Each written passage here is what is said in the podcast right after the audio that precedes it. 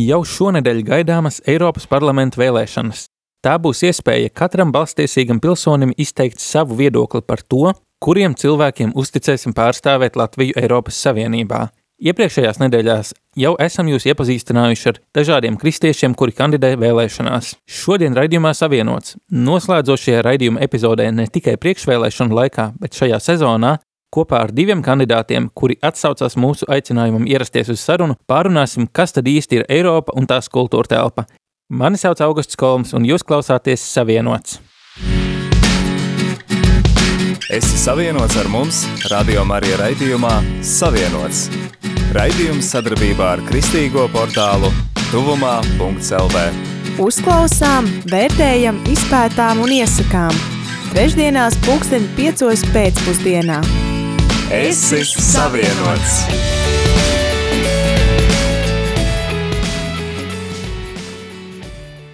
Pirms klausāmies sarunu ar šodienas raidījuma viesiem, ieklausīsimies, kas bija sakāms uz ielas nejauši satiktiem garām gājējiem. Kas jūsuprāt ir Eiropas kultūras pamatā, Eiropas vērtības? Un tā noteikti ir kristietība. Tā kā, cik nu, Eiropā lielākajā daļā ir nu, krist, kristietība tieši kā galvenā reliģija. Tā kā noteikti tas ir tas, kas vieno. Nu, droši vien, jā, ka tas arī ir tas galvenais. Nu, jā, kaut kā tā. Kas ir pamatā Eiropas kultūras jūsuprāt? Kādas jūsuprāt vērtības? Es domāju, ka kristīgās vērtības, jo tas ir vēsturiski bijis Eiropas kultūras attīstība un zudotām vērtībām arī vispārējais pamazām krīt un brūk un gan ekonomikā, gan visur citur, gan sociālajās jomās un, un tā tālāk nevelti. To ir uzsvērts arī pāvests, eh, kurš ir jēzuīta tās un kur ir tieši vēsturiskās pārmaiņās izdzīvojušas eh, tā tālāk attiecīgi. nozīmē, kā es domāju vispār. Ja. Ar vienu vārdu tur, kā saka, var teikt, tie, kas savi tie augstie kungi vispār, kā saka, dara kā redz vai zina. Lielākā daļa, viena daļa tikai viņi atsevišķi savu laiku. Jā. Kristīgajai ticībai kāda vieta jūsuprāt ir Eiropā? Kā tagad ir mūsdienās? Nu, ticība, nu tas ir tā, kurā katrā vie- kā tā konfesija, piemēram, ir, jā. Vienai vairāk, otrā mazāk, nu kas mums ir baptisti, e- e- šitie luterāņi un katoļi lielākoties. Tu musulmaņi ar man liekas kaut kādi tur vajag, vajadzētu būt. Vispār, jā. Tā kā vispār tā grūti pateikt, nu to tā grūti izpēt, tā, tā mūsu domas tā ko nesat. Piemēram, daudz mums kaut kādu statistiku vajadzētu zināt, vajadzētu, jā. Ja, piemēram, kas man zina, kāds ir, piemēram, Portugālē, jau Spānijā, vai zina, nu, mūsu, kā saka, tā, tādā, kā saka, to atbildē, do, Bet Latvija taču arī ir Eiropa. Nu, jā, Kā, kā Tā, Latvija? tas ar vienu vārdu man liekas tāda dikti maznozīmīga šī tāda, kā saka, aptaujā un tas ir rezultāts no tā. Mana izpratnē. Dikti mazvērtīga, jā. Ar vienu vārdu tur vajadzēja kaut ko varbūt tādu svarīgāku, kādus jautājumus uzdot. Nu, te par ticību, par ko, nu, to tas tāds ir. Manā izpratnē tāds diezgan paškidris, kā saka, tāds, nu, kā vajag vērtējums. Jā. Ko mēs te varam vadīt ticību? Rubrika Ieklausāmies! Ar tevi raidījums Savienots. Šodien raidījumā savienots viesojas Aleksandrs Kirsteins, Nacionālās apvienības visu Latvijai, Tēvzemē un brīvībai LNNK, Eiropas parlamenta vēlēšanu kandidātu saraksta kandidāts, un Aldis Vidušs, Eiropas parlamenta vēlēšanu kandidātu saraksta atmoda kandidāts. Vispirms, vai jūsuprāt vispār var runāt par vienotu Eiropas kultūru, ņemot vērā, ka kaut vai tepat mūsu mazajā Latvijas sabiedrībā pastāv atšķirīgas kultūra telpas? Mēs varam runāt teiksim, par latvisko kultūra telpu un nosacīt dažādām mazākumtautību kultūra telpām. Līdz ar to, ja mums Latvijā pastāv šādas atšķirīgas kultūra telpas, vai ir jēgpilni runāt par Eiropas kultūru kopumā kā par vienotu fenomenu? Ja mēs atceramies Eiropas dibinātāju Robertu Šumanu, Francijas ārlietu ministru vai, vai Vācijas kanclera Adenauera ideju, tad drīzāk ir jārunā par Eiropas civilizāciju. Ja? Tad šī civilizācija balstās uz kristīgām vērtībām, kā norādīja savā laikā šie kristīgie demokrāti. Un šajās te Eiropas kristīgās civilizācijas kultūrā mēs varam ietilpināt gandrīz visas valsts, varbūt atskaitot šīs dažas islāma valsts, bet par kopēju kultūru mēs nevaram runāt, tāpēc ka Eiropas Savienības kultūra tā ir dažādu nacionālo valstu kultūru summa teiksim, itāļiem viņi atšķirās no norvēģiem vai somiem, ja, gan mūzikā, gan apģērbos, gan pārējā, bet viņi visi balstīti tomēr ir Eiropas kristīgai civilizācijai. Manuprāt, ir tā, ka Eiropas Savienībā katra valsts iedzīvotāji ir gan ar atšķirīgām valodām, gan ar atšķirīgu teritorijas īpatnībām, vai tas ir klimats vai apvidus, un, un līdz ar to dzīvesveidu, kas ir gadu gaitā pieskaņojies konkrēto vietu īpatnībām. Un katrā vietā ir izveidojušās, katrā valstī ir izveidojušās savas konkrētai valstī un arī valodas vidē, ja kultūra vidē atbilstošas tradīcijas un, un saskaņā ar kurām šīs tautas ir dzīvojušas gan saskaņā ar dabu, gan miedarbībā ar citiem. Un, jebkurā gadījumā būtu vajadzīgs, manuprāt, tas, ka katrā valstī būtu šī kultūras autonomija ar iespēju katrā valstī kopt un attīstīt eh, kultūras pozitīvo pusi, tāpat laikā arī izvērtējot un, un turoties pie kultūras pozitīvajām izpausmēm, lai atteiktos arī no tādām izpausmēm, kas nav, kā mēs teikt, kristīgas vai kas, eh, kas ar, ir ar lejupējošību kādiem izkropļotiem virzieniem. Kas mums būtu jāņem vērā, lai šīs dažādo valstu kultūras, kas tika pieminētas, varētu pastāvēt līdzās? Jā, nu, kā jau tas tika teikts arī iepriekš, un, un to mēs esam arī Nacionālajā apvienībā uzsvēruši, ka Eiropas kopiena tautas var veidot šo kopējo savienību tikai uz vienos civilizācijas bāzes, un, ja, teiksim, kā tas ir diemžēl noticis, pārkāpjot ja, šo principu, un, uh, gan mākslīgi, gan varbūt arī neatkarīgi no mūsu gribas. Objektīvu apstākļu dēļ, ja Eiropa tiek pārpludināta ar miljoniem cilvēku, kas uzsver nevis ar dažiem, bet ar miljoniem cilvēku, kas pārstāv citas civilizācijas, tad precīzi piepildās tā paša Roberta Šumana teiktais, ka šāda tautu kopiena, kas nav veidota uz vienas civilizācijas bāzes, viņi pārvērš par ekonomisku savienību bez kopējiem interesēm. Jā. Un, diemžēl jāsaka, ka lielā mērā Eiropas Savienība pašreiz ir ekonomiska savienība, un šīs intereses ir ļoti atšķirīgas. Ja. Tā kā mēs faktiski paliekam pie tā, ka tomēr nu, kaut kādā veidā ir jā, jāaptur ne tikai šī nelegālā, bet arī šī legālā migrācija, teiksim, no Ziemeļāfrikas, jo ļoti grūti atrast šos, šos saskars punktus. Un savukārt, atkal, ja mēs gribam teiksim, runāt par kultūru, nu, tad būtu jāatzīst, ka vismaz 70-80% no kultūras vērtībām Eiropas Savienībā viņas jau arī ir veidotas uz kaut kādu kristīgo vērtību bāzi. Es kā arhitekts esmu studējis mākslas vēsturi, ja, nu, vai tas būtu teiksim, Leonardo da Vinci vai, vai Rafaels, ja, no svētā vakara ēdiena līdz teiksim, kaut kādām skulptūrām, un, un, un gleznām un altāru gleznām. Un, ja mēs ņemam arhitektūru, to pašu baznīcas un arī teiksim, tāpat pilsētu būvniecību, kas veidojas vēsturiski ja, ap šiem dievnamiem savā laikā, nu, nu, tas jau ir tas mūsu kultūras mantojums. Un tagad, ja mēs skatāmies, vai tas tiek saglabāts, vai mēs varam kaut kādā, teiksim, kopējā kontekstā runāt par vienotu Eiropas kultūru, tas ir atkal katra jau, man liekas, vairāk tāds individuāls jautājums. Jo, ja mēs paskatāmies, piemēram, uz to pašu Eirovīziju, kas tagad notiek Izrēlā, nu, ne jau tikai sievietes ar bārdu tur dzied, un, un, un, un, un tas tiek reklamēts, ja, bet tās ir tās novirzes, kas man liekas absolūti neatbilst, teiksim, ne šiem Eiropas Savienības dibinātāju principiem, ne arī varbūt, um,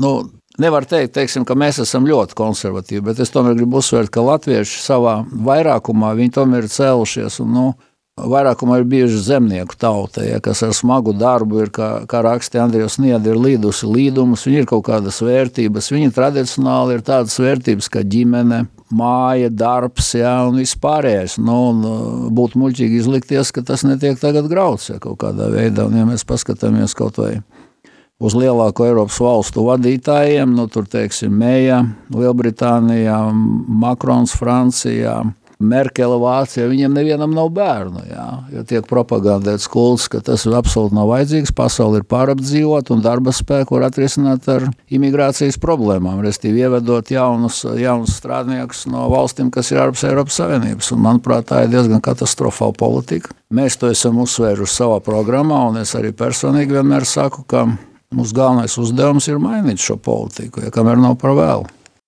Partija apvienība no sirds Latvijai ir atbalstījusi un atbalsta tradicionālās ģimenes vērtības. Viena no pamatvērtībām, ko mēs atbalstam, ir eh, pats cilvēks, un tā skaitā tas, ka viņa attīstība ir vērsta pozitīvi, augšupejoši. Un eh, šajā vērtības sistēmā ietilpst arī stipra ģimene, starp vīru un sievu, nevis starp diviem vīriem vai divām sievām ar laimīgiem bērniem. Un e, šī laime tā nav tikai fiziskās, jeb e, saimnieciskās e, darbības rezultāts, bet tas ir arī garīga kategorija, kur ietilps gan domu, gan jūtu, gan emociju, gan gara kategorijas. Un, un cilvēks mēdz būt laimīgs ne tieši caur fiziski, bet šajā apziņas, jeb garīgajā līmenī. Un, lai cilvēki būtu laimīgi, lai viņi varētu saglabāt savu kultūru, viņiem ir vajadzīga atbilstoša kultūra vide. Un šo kultūra vidi var saglabāt un veidot ne tieši tik daudz pilsētās, cik drīzāk pat laukos. Tas ir tradicionāli vēsturiski bijusi katras tautas kultūra vide, tā skaitā Latvijas tautas kultūra vide. Un tas, kas mums arī vajadzīgs, mums ir vajadzīgs, lai laukos dzīvot ne tikai pilsētās, bet arī laukos dzīvotu gana daudz iedzīvotāju. Protams, lai viņi varētu kopt savu kultūru, vajag, lai viņiem apkārt ir uh, pietiekoši daudz šīs pašas kultūras nesēji, tā skaitā ticības kontekstā, kas pie mums izpaužas caur reliģijām. Un, uh, diemžēl Eiropas Savienībā, kā jau iepriekšējais runātājs minēja, notiek šī migrācija no citas kultūra vidas, kur iebrauc cilvēki ar musulmaņu ticību nesošie. Un, uh, Tas, kas pēdējos gadu desmitos notiek Eiropas Savienībā, tīpaši Rietumē, Eiropas un Centrāla Eiropas valstīs, lielajās, jeb tā saucamajās bagātajās valstīs, uz kurām tiec šie pārceļotāji, migranti, viņu skaits skolās bieži vien jau parādās un pārsniedz pat 50%. Šī faktiski sanāk eh, kultūra vidas nomaiņa. Baltās rases cilvēku kultūra vidas nomaiņa ar eh, musulmaņu reliģijas nesēju kultūra vidi, lai kāda viņa būtu. Kas būtu tas pamats Eiropas kultūrai, uz kā ir uzbūvētas šodienas Eiropas vērtības? Nu, laiki mainās, es te drusciņu varbūt iebildīšu, teiksim, tam teicienam par tiem laukiem, nav jau tik svarīgi, kur cilvēks dzīvo. Ja? Piemēram, mums būtu svarīgi, ka, ja cilvēki ir, piemēram, pārcēlušies no laukiem, bet nodarbības jau mainās, ja tagad, ja lauksaimniecība tagad eh, varbūt tur sastāda mazāk par 10% no tīrā veidā no iekšzemes koprodukta, bet parādījušās ir jaunas nozares, nozares kā informācijas tehnoloģija, tad jau nav svarīgi, kur šie cilvēki dzīvo. No vienas puses mēs varam bēdāties, ka daudz lauka apdzīvotās vietas paliek tukšas, no otras puses nav ko sevišķi arī uztraukties, manuprāt, par to, ka, piemēram, ap Rīgu veidojušie jaunie ciemati. Daudz būtiskāk ir, ka cilvēki dzīvo teiksim, privātmājās vai rindu mājās, kur bērni jau no bērnības tiek pieradināti ģimenē, un kur ir arī vairāki bērni. Jo, ja jau nav, nav bērni, tad jau cilvēki arī necenšas šajās privātmājās dzīvot, un kur viņi iemācās jau no bērnības pļaut zāli vai tur rakņāties dārziņā vai kaut ko darīt. Ja? Tad, tad ir svarīgi saglabāt šīs ģimenes vērtības, ir svarīgi, lai šīm ģimenēm būtu labi ienākumi, lai cilvēkiem būtu iespēja iegūt labu izglītību izglītību, lai viņiem būtu iespējami teiksim, nu, saņemt arī labus veselības uzlabošanas dažādas pasākumus. Un ir divas lietas, ko es gribētu pateikt. Ja sāksim būt ar to pozitīvo. Nu, Latvijas iestāšanās šajā Eiropas Savienībā tomēr ir zināms kaut kādus pozitīvus momentus ir sniegusi varbūt tieši jaunai paudzei. Ja? Nav, nav tas, kas bija padomu savienībā, nav ierobežojumi cilvēku brīvība. Individuālā brīvība tā ir viena no faktiski nu, arī tādām dotām dievu iespējām. Katrs pats izvēlās Ko viņš grib darīt? Ja? Viņš var mācīties, viņš var strādāt, viņš var attīstīt savu uzņēmējdarbību, viņš var kļūt turīgs, bet viņš var arī neko nedarīt. Tā arī ir viņa brīvība. Ja? Un atšķirībā varbūt no iepriekšējiem vai komunistiskiem režīmiem, nu šādā ziņā, teiksim, tas, kas notiek Eiropas Savienībā, tas ir pozitīvs. Ja? Kas tad ir šis negatīvais? Negatīvais varbūt ir minot tos pašus laukus, Visa Eiropas Savienībā ir pieļauts ļoti lielas kļūdas, ieskaitot Latviju. Mēs esam pārgājuši no tā saucamās varbūt nelielas saimniecības sistēmas, kas bija pirms kara un kuras varbūt ir saglabājušās Polijā ja, vai vai arī no tādas saimniecības, ko apsaimnieko nu, teiksim, ģimene vai vīrs un sieva, kas varētu būt 200, 300 hektāri, mēs esam pārgājuši arī uz neierobežot zemes pārdošanu, piemēram, 3000, 5000 hektāru. Tas nozīmē, ka tur pietiek ar kaut kādiem 5, 6 cilvēkiem, kas ar ārkārtīgi dārgu, modernu tehniku, teiksim, izsmidzina ķimikālijas, audzē, audzē monokultūras, graudus un rapsi un pārdod viņus starptautiskos tirgos, saņemot šīs Eiropas subsīdijas. Jā. Tad, tad šī politika subsidējot, ja, tad šos lielsaimnieks, kur saņem 80%, viņi rada tādu situāciju, ka cilvēkiem pāriem jau tur nav ko darīt. Ja, nu, ja tur agrāk, ja būtu, teiksim, katram 25, 30 hektāri, tur būtu, teiksim, 100 ģimenes ar, ar bērniem, nu tagad tur pietiek ar vienu lielsaimnieku ģimeni un kaut kādiem 5, 6 kalpiem. Ja. Un, un, un tās kļūdas ir pieļautas. Netika, netika, mēs esam vairāk snieguši ar ierobežojumus, ne vairāk par 200-300 hektāriem. Nu, diemžēl mums ir tūkstošiem hektāru. Dažiem, kas, kas simts varbūt vai, vai 300 bagātākie zemnieki, ja saņem, teiksim, visas šīs lielās Eiropas saimnības subsīdijas. Nu, cilvēki pārceļās, Labi, ja viņi pārceļās kaut kur uz Rīgu vai Valmieru, kur dienā iebrauc 7000 strādājošo, slikti, ja viņi aizbrauc uz Īriju vai Angliju. Ja. Un tas ir tas varbūt pozitīvais, ka ir individuāla brīvība, kā es teicu. Ja. Un, un paši mēs esam sabojājuši zināmā mērā Eiropas Savienībā ar, ar šiem likumiem, neierobežojot ar, ar ķīmiju, ar, ar piesārņojumu. Ja. Tas ir varbūt tas mīnus, kas varbūt agrāk nebija tik, tik stipri izteikts. Nu, negatīvais te jau tika pieminēts, ja tad šī neierobežotā brīvība brīvība. Un par to ir ļoti labi rakstījuši gan, gan kardināls Stankēvičs, gan arhibīskaps Vanaks arī intervijās avīzēs. Jā, tā tad neierobežotā brīvība, tā ir otra galējība, kas ne jau tikai teiksim, kultūras jomā vai ģimenes jomā, no viņa parādās dažādos pārspīlējumos, un tas noteikti ir tas negatīvais. Un es gribētu pieminēt vienu lietu, ka 2003. gadā, kad mēs gribējām iestāties Latvijas Eiropas Savienībā, šīm jaunajām valstīm, kas bija uzaicināts, viņiem bija iespēja sūtīt savus tā saucamos novērotājus Eiropas parlamentu no 2003. līdz 2004. gadam. Mums bija šie pārstāvji no dažādām politiskām partijām, un viņas ievēlēja sēmu. Nevis vēlēšanās, mums nebija balss tiesības, bet mēs varējām strādāt komisijās, un, un, un tā sakot, mēs ļoti labi redzējām, kas notiek. Un es varu izstāstīt, ka tajā laikā bija ideja izveidot vienotu Eiropas konstitūciju kuru vadīja Žiskars Destēns, bijušais Francijas savā laikā, kas bija gan premjeras tur, un tad viņš bija šīs darba grupas vadītājs. Un, nu, un tur bija tāda pati preambula kā Latvijas tagadējais atversmē, ko Levitkungs iestrādāja, un tajā preambula bija uzrakstīts, Tāds nevainīgs teikums, ja, ka, ka Eiropas civilizācija, teiksim, tā Eiropas vēsture balstās arī uz šīm kristīgām vērtībām. Un, uh, Diemžēl jau tādā tā, 2004. gadā, kad bija šis balsojums, šis teikums tika izņemts ārā ar vairākumu balsojumu. Jā, pat no Latvijas Sandra Kalnieta nobalsoja pret, ka viņš ir jāsvītro, jo tomēr nu, tas sekulārā, teiksim, Francijas delegācijas pozīcija, ka baznīca tā kā ir atdalīta, jā, bet te jau nebija runa par baznīcu, te bija klasisks piemērs tam, ka paši eiropieši kurā vairākums bija kreisie sociālisti un liberāļi, tomēr ja, tajā parlamentā. Nu, 751, tagad būs mazāk pēc brīdi izstāšanās, mums būs tikai 700 pārtie deputāti. Tātad vairākums tomēr nobalsoja par to, ka šis teikums ir jāsvitro. Tas ir ļoti simboliski. Ja? Tad, tad Eiropa ir sekulāra, un viņi arī neatzīst, teiksim, nu, tas liberālisms ir aizgājis tik tālu, ka, ka it kā vairs nevar noteikt, kas ir labs un kas ir ļauns. Ja? Tā, tā, tas ir pārvērsts tādā filozofiskā kategorijā, un tas, man liekas, ir liels mīnus. Ja? Tad no vienas puses, kā es teicu, sevišķi jauniem cilvēkiem ir iespēja attīstīt savas spējas un, un būt brīviem. No otras puses ir šī visatļautība, kas degradē ja, paša cilvēku būtību un, un visādos veidos, es domāju, kaitē viņam pašam nākotnē. Bet, bet eh, diemžēl nu, tā tas notika. Un varbūt pat ir labi, ka referendumā, kad bija jāapstiprina šī Eiropas konstitūcija, tur nobalsoja holandieši pret, un tur vēl daži, nu, sakot, šī, viss tas beidzās ar fiasko. Šī konstitūcija netika pieņemta, un tagad nav šīs vienotās konstitūcijas. Jā. Un tagad mēs redzam rezultātu pēc statistikas. Teiksim, jā, tādās valstīs kā Igaunija, vairāk kā 70% pagājušā gada ir piedzimuši nepilnēs ģimenēs. Jā. Es tiem mātiem ir, bet tēva jau nav vairs. Vairāk kā 70%. Un otrā galā ir tādas valsts, kā teiksim, Grieķija, Malta, ja, tradicionālās, kur ir šī katolicisma ietekme diezgan spēcīga. Nu, tur tādas ģimenes varbūt ir teiksim, nu, divreiz, trīsreiz mazāk jā, pēc statistikas. Uz to mēs diemžēl ejam.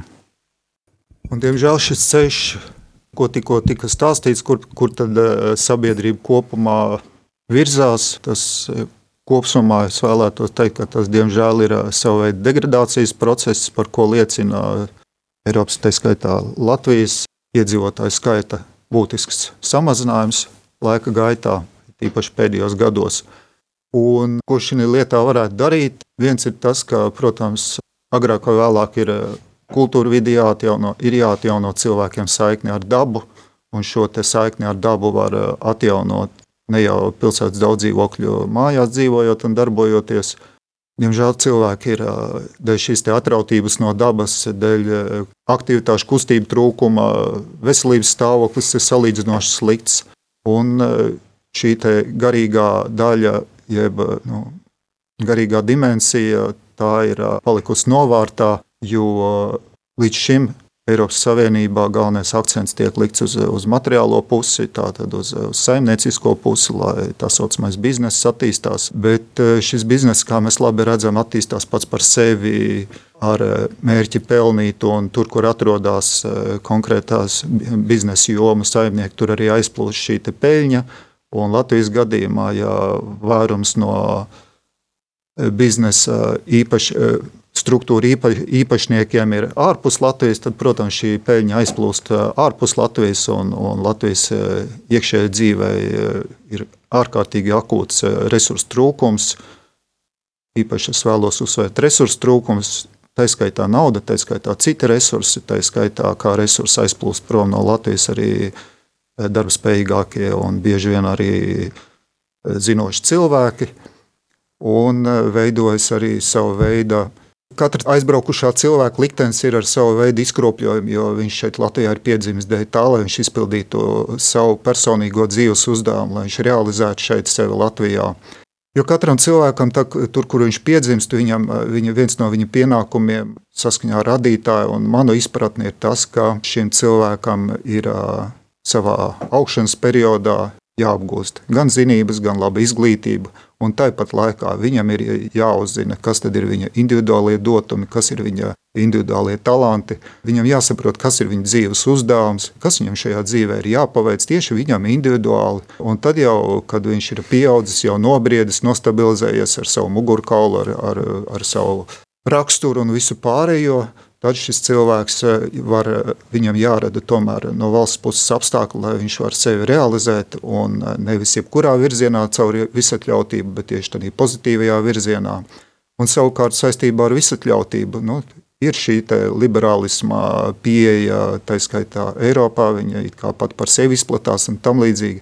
Bet no garīgā viedokļa skatoties, šī, šis liberālisms, ja visatļautība ir arī uh, šo te, kā, nu, kurš sauc dievu, jeb es saucu par radītāja evolūcijas likuma pārkāpums, jo uh, ir virkne evolūcijas likumi, kuras uh, arī cilvēkiem ir jāievēro, un citām apzinīgām uh, būtnēm, kas attīstās uz Zemes un evolucionē, ka mums visiem ir tomēr šie likumi uz mums visiem iedarbojas, un tie mums ir spēkā, un uh, liberālisms, ir brīvība šos likumus pārkāpt, nu, tas nav īstais ceļš, un, un katrs individuāli atbilstoši savam padarītajam, saviem uzkrātajiem, saka, savai uzkrātajai bagāžai, gan pozitīvai, gan negatīvai ievāc nu, atbilstošu ražu un saņem to, ko pelnījis. Jūs abi iepriekš pieminējāt vārdu liberālisms. Es gribētu, ka jūs mazliet paskaidrot, ko jūs ar to domājat, jo tas vārds arī var tikt saprast dažādi. To saprot kaut vai tos pašus brīvā tirgus principus, vai vārda brīvību, vai demokrātisku valsti. Paskaidrot, ko jūs domājat ar šo vārdu, kas zem šī vārda slēpjas, kad jūs par to runājat. Ļoti vienkārši tas ir sociālais liberālisms. Jā, agrāk, teiksim, viss cīnījās, jā, nu, jau sākot varbūt no Francijas, teiksim, šiem te filozofiem un 18. gadsimta domātājiem, 19. gadsimta bija tas saucamais klasiskais liberālisms. Klasiskais liberālisms ko varbūt Britu parlaments īstenoja pirmais, ja tas ir eh, cilvēka ekonomiskās eh, brīvības, spēja, teiksim, izmantot savu talantu, un tā bija ļoti pozitīva lieta, lai salauztu savā laikā šo aristokrātijas vai iedzimto feudālismu sistēmu. Klasiskais liberālisms panāca, ka katram, kam ir spējas, viņš varēja attīstīt, teiksim, savu karjeru, viņš varēja kļūt uzņēmējs, viņš varēja atvērt fabriku, jā. Viss tas ir pozitīvi, bet mēs nerunājam par klasisko liberālismu, jo tāds jau kā tāds. Šeit mēs runājam par tā saucamo saucamo sociālo, ko var dažādi traktēt. Nu,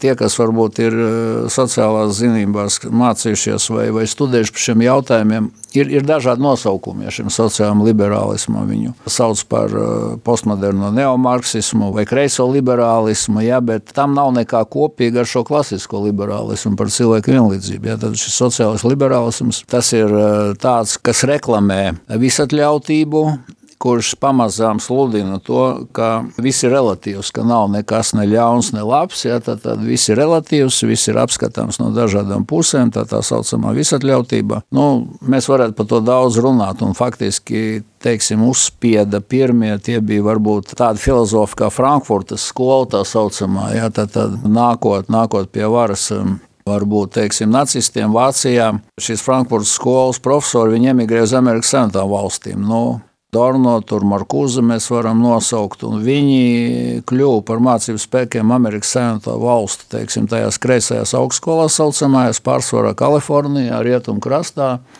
Un rezultātā tad, tad kulminācija apmēram ap 70. gadiem, kad sākās dažādas šīs studentu revolūcijas, gan Parīzē, gan Amerikas Savienotās valstīs. Viņi reklamēja vieglās narkotikas, visatļautību, teiksim, dzimuma lomu maiņu. Un šodien mēs esam nonākuši pie tā, ka šis neomarksisms vai kreisais liberālisms sludina tādu brīvību, ka, piemēram, tā kā nav ne, nekā ne laba, ne ļauna, jau mēs esam nonākuši pie tā, ka arī ir dzimuma daudzveidība. Nav jau vairs tikai vīrietis, sieviete, bet ir dzimtas, ja, ko mēģina arī skolās uzspiest, teiksim, Zviedrijā un citur. Un bērniem, piemēram, var vilkt zēniem kleitiņas un, un spēlēties bērnu dārzos ar lelēm. Un, un, un savukārt meitenēm tur ar traktoriem un automātiem. Un ka lūk, šie bērni izaugs, nu, es te sēsnātu, teiksim, par tām galībām runāju, šis, šis sociālais kreisais liberālisms, tad viņš pats savu dzimumu var izvēlēties, jau vai dzimti. Un, no tagad jau jūs redziet, ka bija LGBT, tagad tur jau ir tie burti jau klāta vesela rinda, ja, kur pat grūti atcerēties, drīz būs viss alfabets. Un ar šīm dzimtēm propagandē, ka dzimums ir sociāls konstrukts, tāpat kā rase, Tātad katrs pats jau izvēlās, kādu dzimtu viņš grib, un ja viņš īsti neizskatās, viņš var arī iet teiksim, pie ķirurga un mainīt to savu dzimumu. Un, tās ir tās jaunās teorijas. Nu, Latvijā viņas nav tādā veidā ieviesušās, lai gan mums uzteikti propagandē, nu, piemēram, žurnāls ir, jā, to reklamē, ka tas ir ļoti veselīgi un pareizi, un ka nevajag nekādā veidā ierobežot. Nu, restīvi, vienā vārdā tā ir visatļautība, jā, saīsināti, bet, ja nopietni, tad tā ir, teiksim, sabiedrības degradācija, Tam tiek atvēlēta ļoti liela nauda, un, ja mēs paskatāmies atkal, kas notiek Eiropas Savienībā, Tad tādās valstīs kā Ungārija, ko grib nosodīt Eiropas komisija, ziniet, ja, nu, viņi ir pazinuši, piemēram, Soros fondu no turienes, un, un viņi augstskolas propagandē un milzīgas summas iztērēja šīs ideoloģijas sludināšanai, un arī mums, teiksim, ja mēs paskatāmies no Latvijas televīzijā, Latvijas radio, mums ir jaunie cilvēki, kas ir no Soros fonda tāpat saņēmuši šo naudu, studējuši, teiksim, šajās te rietumu skolās socioloģiju, sociālo antropoloģiju, kur māca, ja, ka nedrīkst, teiksim, runāt par to, ka pastāv rases, jo cilvēki vienkārši daži ir tumšāki un daži ir gaišāki. Ja, bet eh, tā brīvība varētu būt. Bet vien, viens mīnus visai šai lietai ir. Viņi ir antipods liberāļiem klasiskajiem, jo viņi uzskata, ka drīkst runāt tikai politiski korekti. Un, ja jūs teiksim, pateiksiet citu viedokli, nu, tad notiks tā kā Amerikas Savienotās valstīs, kur šie kreisie liberāļi teiksim, iet demonstrācijās un grauj nost brīvības kara, pilsoņu kara, piemēram, pieminekļus. Ja, jo, ja tur kāds ģenerālis ir bijis, teiksim, Linkolna laikā, kuram vēl ir bijušas plantācijas, vai viņš ir bijis kaut kāds plantators, ja, tad, tad ir jāparaksta vēsturi. Zviedrijā izdod, piemēram, teiksim, Krusteva Toma būdu, kur nedrīkst būt vārds neģeris, nu, zviedru valodā. Ja, tad, tad tas galējums aiziet līdz cenzūrai. Un ir ārkārtīgi neiecietība pret citādi domājušo viedokli. Un, diemžēl šis viedoklis jau soli pa solim teiksim, pārņem sabiedrības vairākumu. Jā. Ne tik daudz Latvijas, cik piemēram Zviedrijā, arī dažos štatos, Amerikas Savienotās valstīs. Ne jau tikai tas, ka tur tiek atļauts nu, tā saucamās vienzimuma laulības, bet piemēram Zviedrijā mācītājs zaudēja. Viņš, starp citu, ir Latvijā. Jūs uh, laikam labāk zināt, ja viņš zaudēja. Viņš tika padzīts no draudzes, tāpēc, ka viņš uzskatīja, ka nedrīkst laulāt vienzimumu uh, partnerus. Skolotāji ir zaudējuši darbu, kuri atsakās mācīt teiksim, šādas lietas. Jā. Amerikas Savienotās valstīs, piemēram, ir bijušas problēmas ar privāto maiznīcu īpašniekiem, kas atsakās, piemēram, cept torti tā saucamajam vienzimumam laulību svinībām un viņi var zaudēt savu licenci vai atļauju, piemēram, nodarboties ar tirdzniecību un tā tālāk. Jā, tā tad agresīva neiecietība, kas tiek maskēta zem it kā no šī liberālisma, bet kas faktiski ir antipods, jā, tā tā divkosība, respektīvi ir jaunvaloda. Pepija Garzeķa, ja te, tiek pārakstīta Zviedrijā, jūs esat dzirdējuši, kāpēc, jā, tāpēc, ka Lingrēns, tāpēc, ka tur ir pieminēt čigāni, ja, tur, tur tiek kaut kas atkal mainīts un, un tā tālāk. Nu, tā tad, zinām, melu, melu izlikšanās un jaunvalodas sintēze. Tur ir tā problēma. Ja. Tur ir atšķirības, es varu pa gari pateikt, bet klasiskais liberāls mums neko tādu neatļāvās. Nu, lūk, mēs tikko dzirdējām diezgan labu skaidrojumu par uh, liberālismu, kas būtībā arī ir sava veida antikultūras izpausme un, un diemžēl tās atbilstīšana un ieviešana un izplatīšana.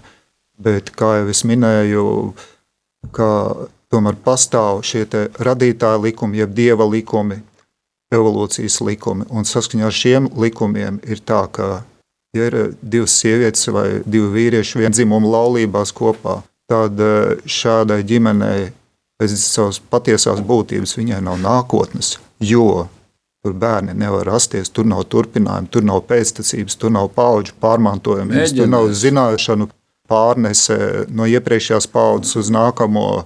Būtībā tas ir, diemžēl, jau, jau bērniem tiek ielikts apziņas izkropļojums skolās, dodot tādu iespēju.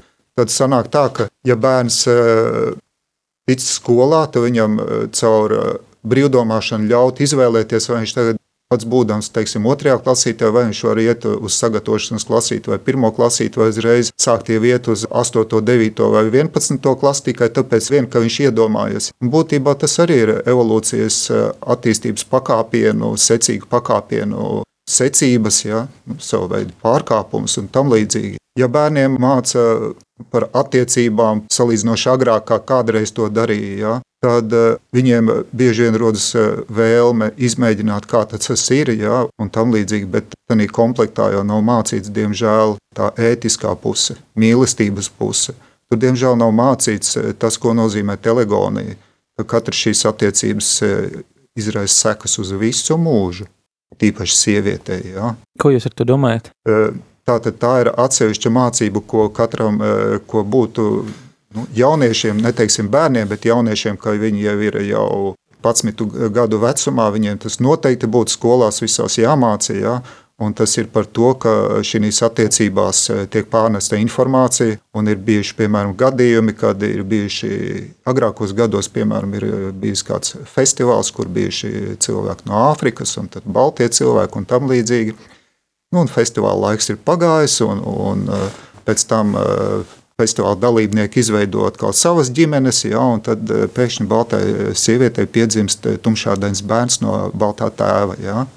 Un tas nozīmē, ka šī informācija ir ierakstījusies, un tas nozīmē, ka pastāv bez eh, šīm lietām, ko skolā māca, un ko katrs var iedomāties, ka var ievērot vai atteikties no šīs ievērošanas, bet pastāv lietas, kas ir objektīvas, kas ka ir kaut kas arī smalkā pasaulē, informatīvajā līmenī notiek.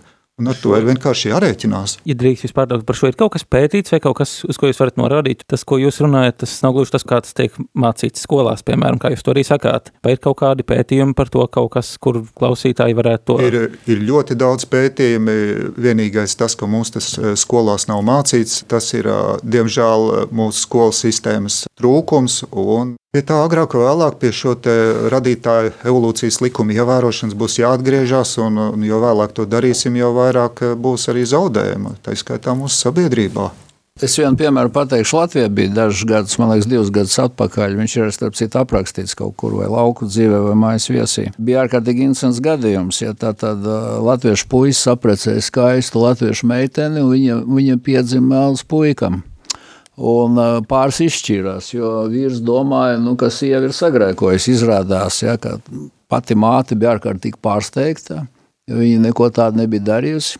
Un patiesībā jau eh, gaužam prozaiski, ka viņas mamma savukārt 90. gadu sākumā bija, jeb 80. gadu beigās kaut kur aizsūtīta uz Zviedriju kaut kādos apmaiņas kursos un bija sadraudzējusi ar vienu Āfrikas studentu. Un, eh, kā tas gadās, ja tā tad meita bija pilnīgi balta, bet eh, kā šie gēni sakombinējas, ja, Tātad māmiņas eh, mazdēls piedzima melns, un tas izraisīja lielu neizpratni šai jaunai ģimenei, kas beidzās ar šķiršanos. Tā kā, Tātad meitas tēvs bija melnādainais? Meitas tēvs bija afrikāns, un uh, tas nebija zināms, jo laikam tā māte bija šķīrusies, it kā oficiāli skaitījās, tā kā, nu, viņa bija sagrēkojis, teiksim tā, jā, viņai bija tēvs, kur, nu, faktiski mā, meitas mātei bija vīrs, bet viņa uz juridiski vēl nebija izšķirušies, bet faktiski bija izšķirušies. Tāpēc viņa tā kā bija sagājusi kopā ar šo Āfrikas studentu tur Zviedrijā. Ja? Nu, tas jau parāda, teiksim, pie kā tas var novest. Tā ir diezgan liela problēma. Bet nu, šeit ir runa tomēr par tradicionālu ģenētiku, nevis par informācijas pārnesi kaut kādā citādā veidā. Ģenētika jau tas ir tāpat, kā ziniet, kas saka, jā, ateis saka, nu kā, nu mēs tagad zinām visu no lielā sprādziena, nu, kad, kad viņam prasa, nu kas tad bija pirms tā lielā sprādziena, kā viņš radās, ja tad tālāk jau viņi netiek. Nu arī ģenētika taču arī neradās no zilgaisa. Pēc mazas pauzes turpināsim sarunu.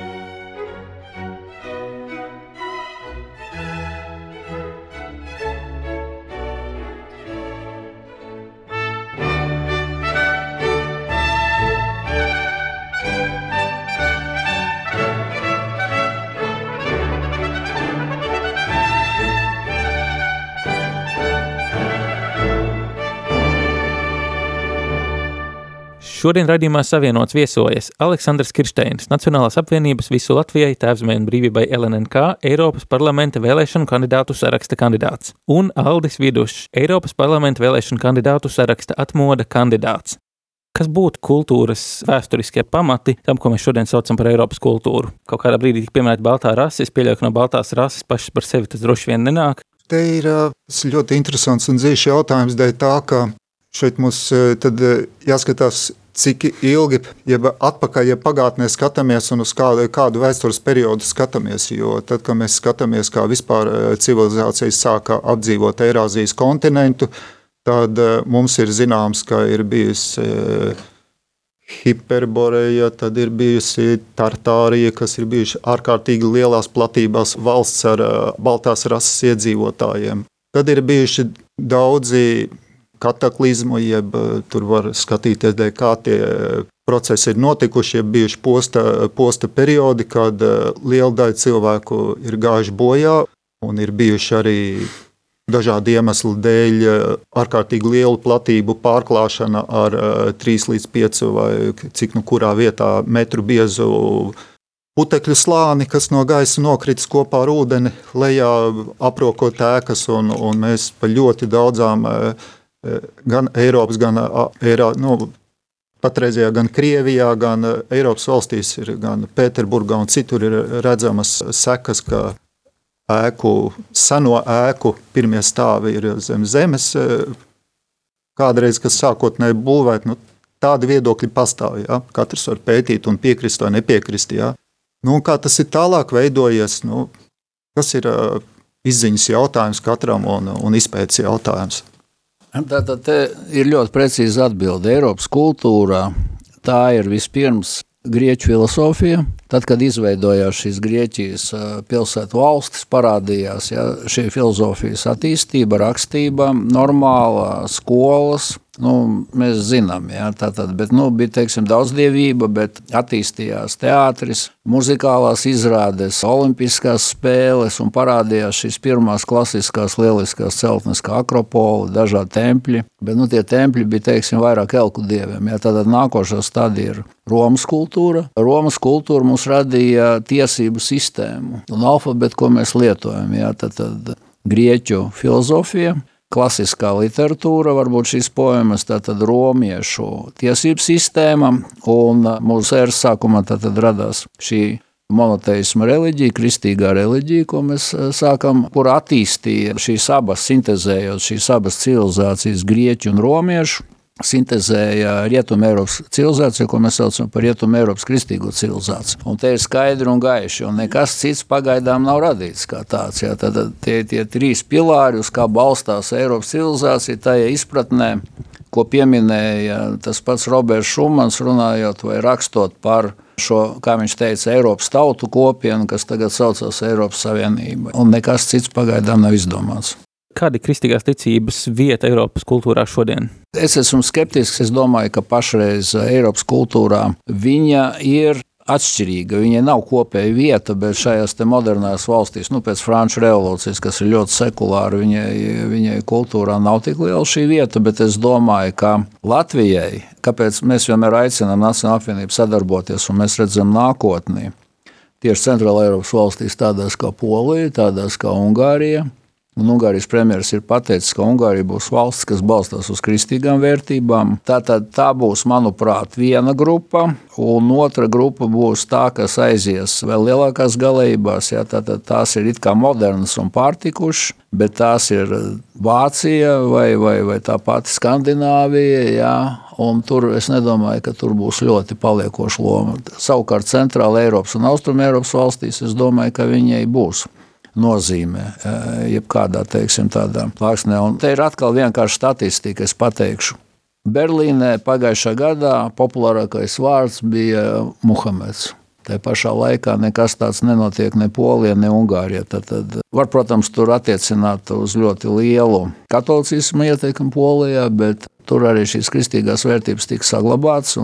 Tuvākajā laikā, un es domāju, pat tādās valstīs kā Ungārija, šī ietekme pieaugs. Jā, jo tur Kā jau teicu, šis sociālais liberālisms ar visām pārmērībām, viņš zināmā mērā ir izskausts arī varbūt, nu, no valdības puses. Nu, nekas tāds nenotiek Ziemeļ-Eiropas valstīs, varbūt Benelūks valstīs, kur varbūt šis degradācijas process turpinās. Tā kā notiks Eiropas sadalīšanās, nu, mums pašiem jāizdomā, pie kura bloka mēs varam pietuvoties. Vai Polijai, Ungārijai, teiksim, Čehijai vai, vai vairāk nu, šim modernai virzienam, kur tiek uzsvērts tikai materiālai labumi.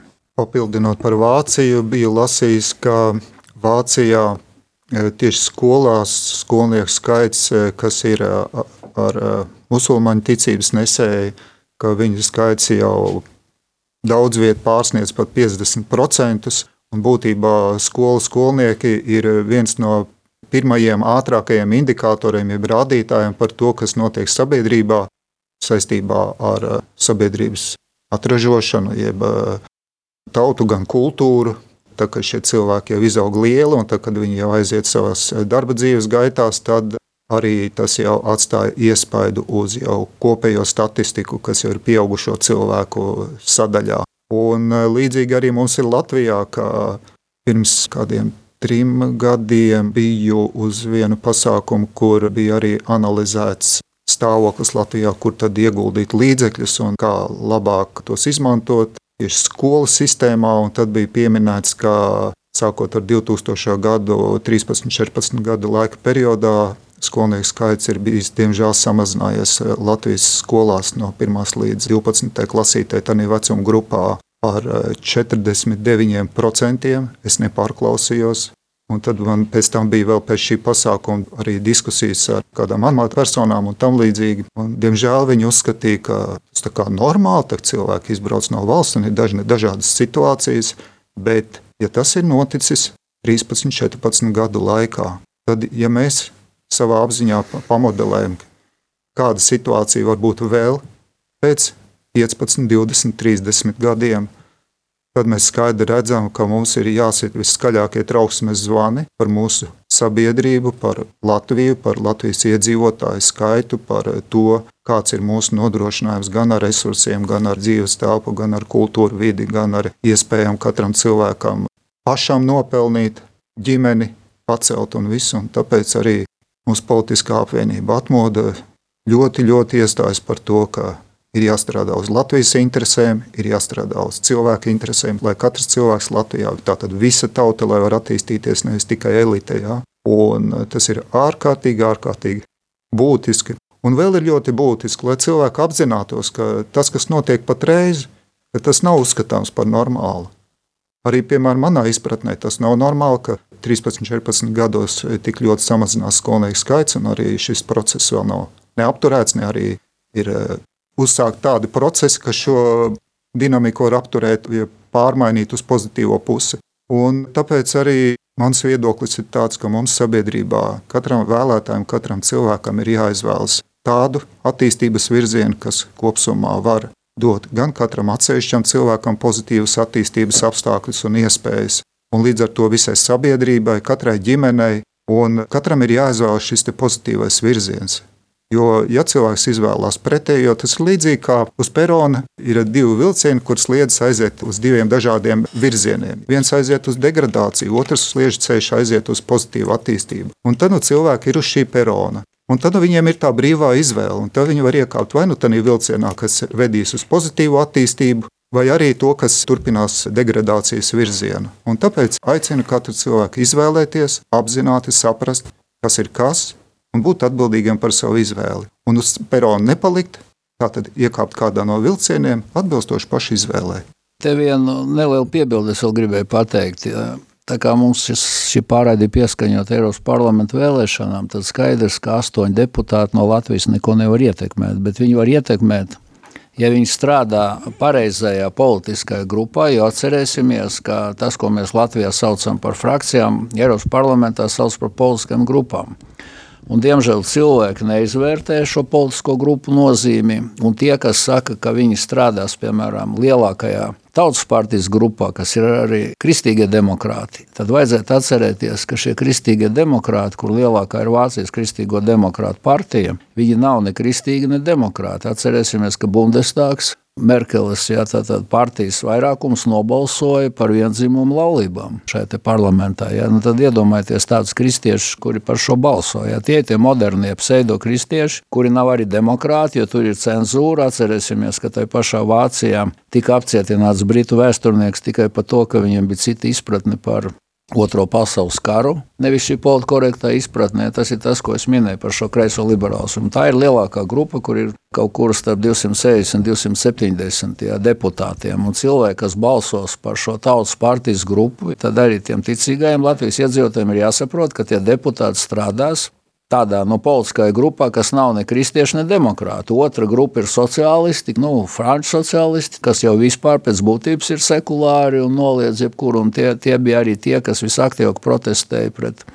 Eiropas konstitūcijā, tātad šo kristīgā mantojuma pieminēšanu.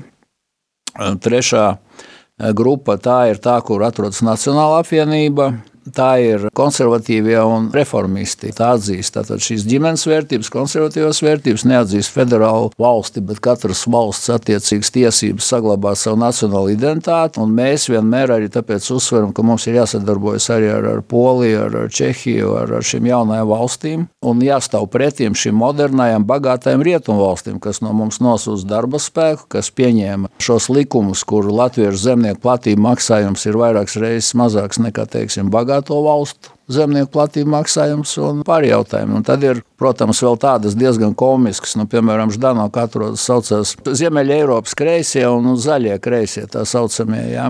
Tā ir vispār bijusi Ziemeļa valstu kompartija apvienība, kas vienkārši nosaukušies par zaļiem kreisajiem. Tad ir samērā komiska grupa, manuprāt, kas uzskata, ka viņi ir īstie zaļie, bet vienīgais, ko viņi ir sasnieguši, ir aizlieguši atomelektrostacijas Vācijā, lai varētu maksāt Krievijai par gāzi. Gazprom Gazpromam, jā, kur tika lobēts teiksim, šīs kampaņas aizliegt atomelektrostacijas, kas ir tīra enerģija, un tā vietā pierkt gāzi no Krievijas un pārskaitīt viņiem naudu. Restīvi, tātad katram tomēr vēlētājiem vajag izanalizēt, kādā grupā šis kandidāts strādās.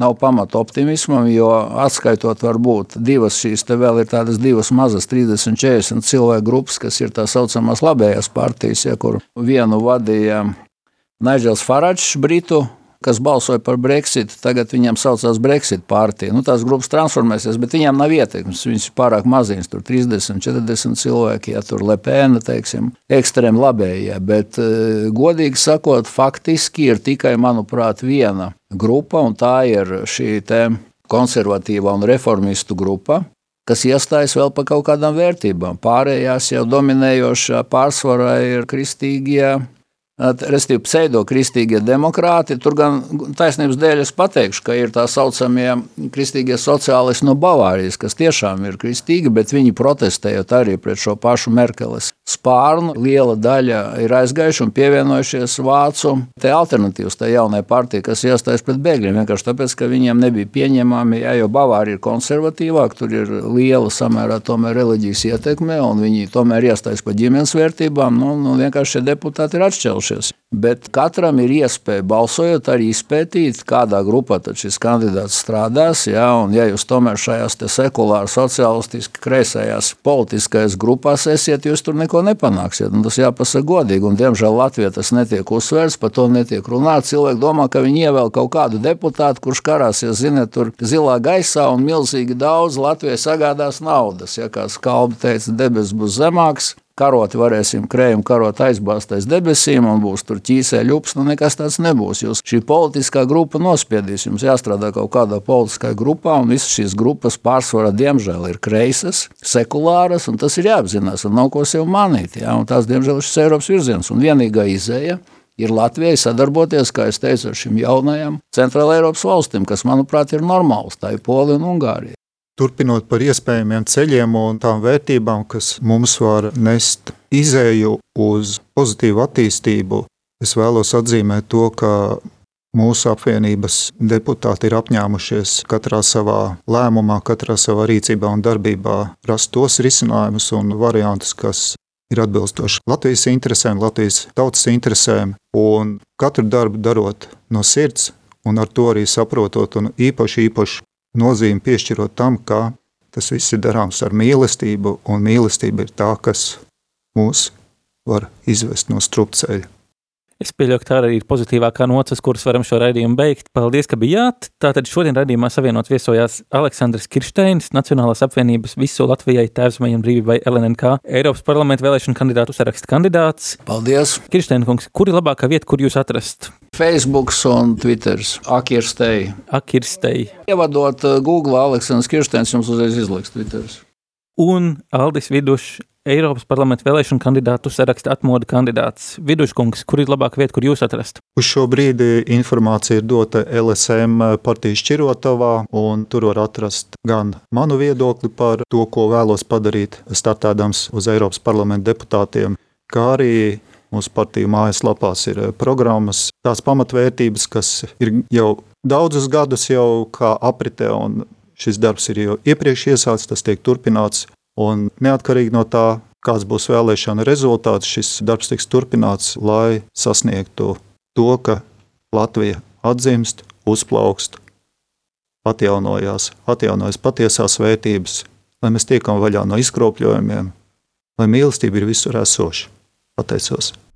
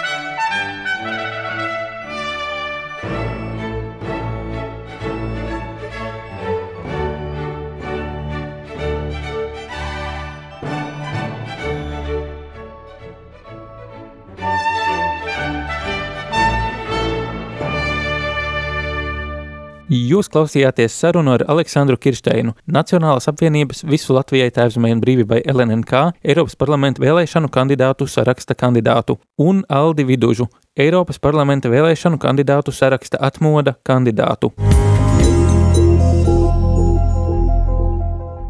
Kādas ir jūsu pārdomas par šo sarunu un par gaidāmajām vēlēšanām? Rakstiet kristīgā mēdīja tuvumā LV redakcijai uz e-pasta adresi redakcija at tuvumā LV.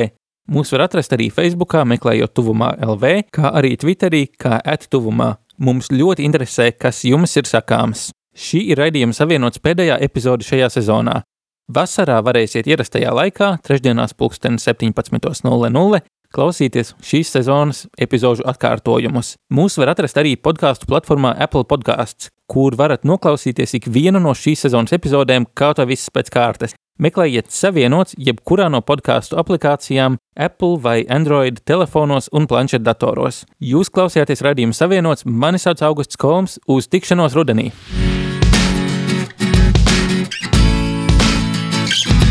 Tu klausījies raidījumu Savienots. Būsim atkal ēterā trešdien pulksten piecos pēcpusdienā. Klausies mūsu radio Marija un lasi kristīgo portālu tuvumā.lv. Es esmu savienots!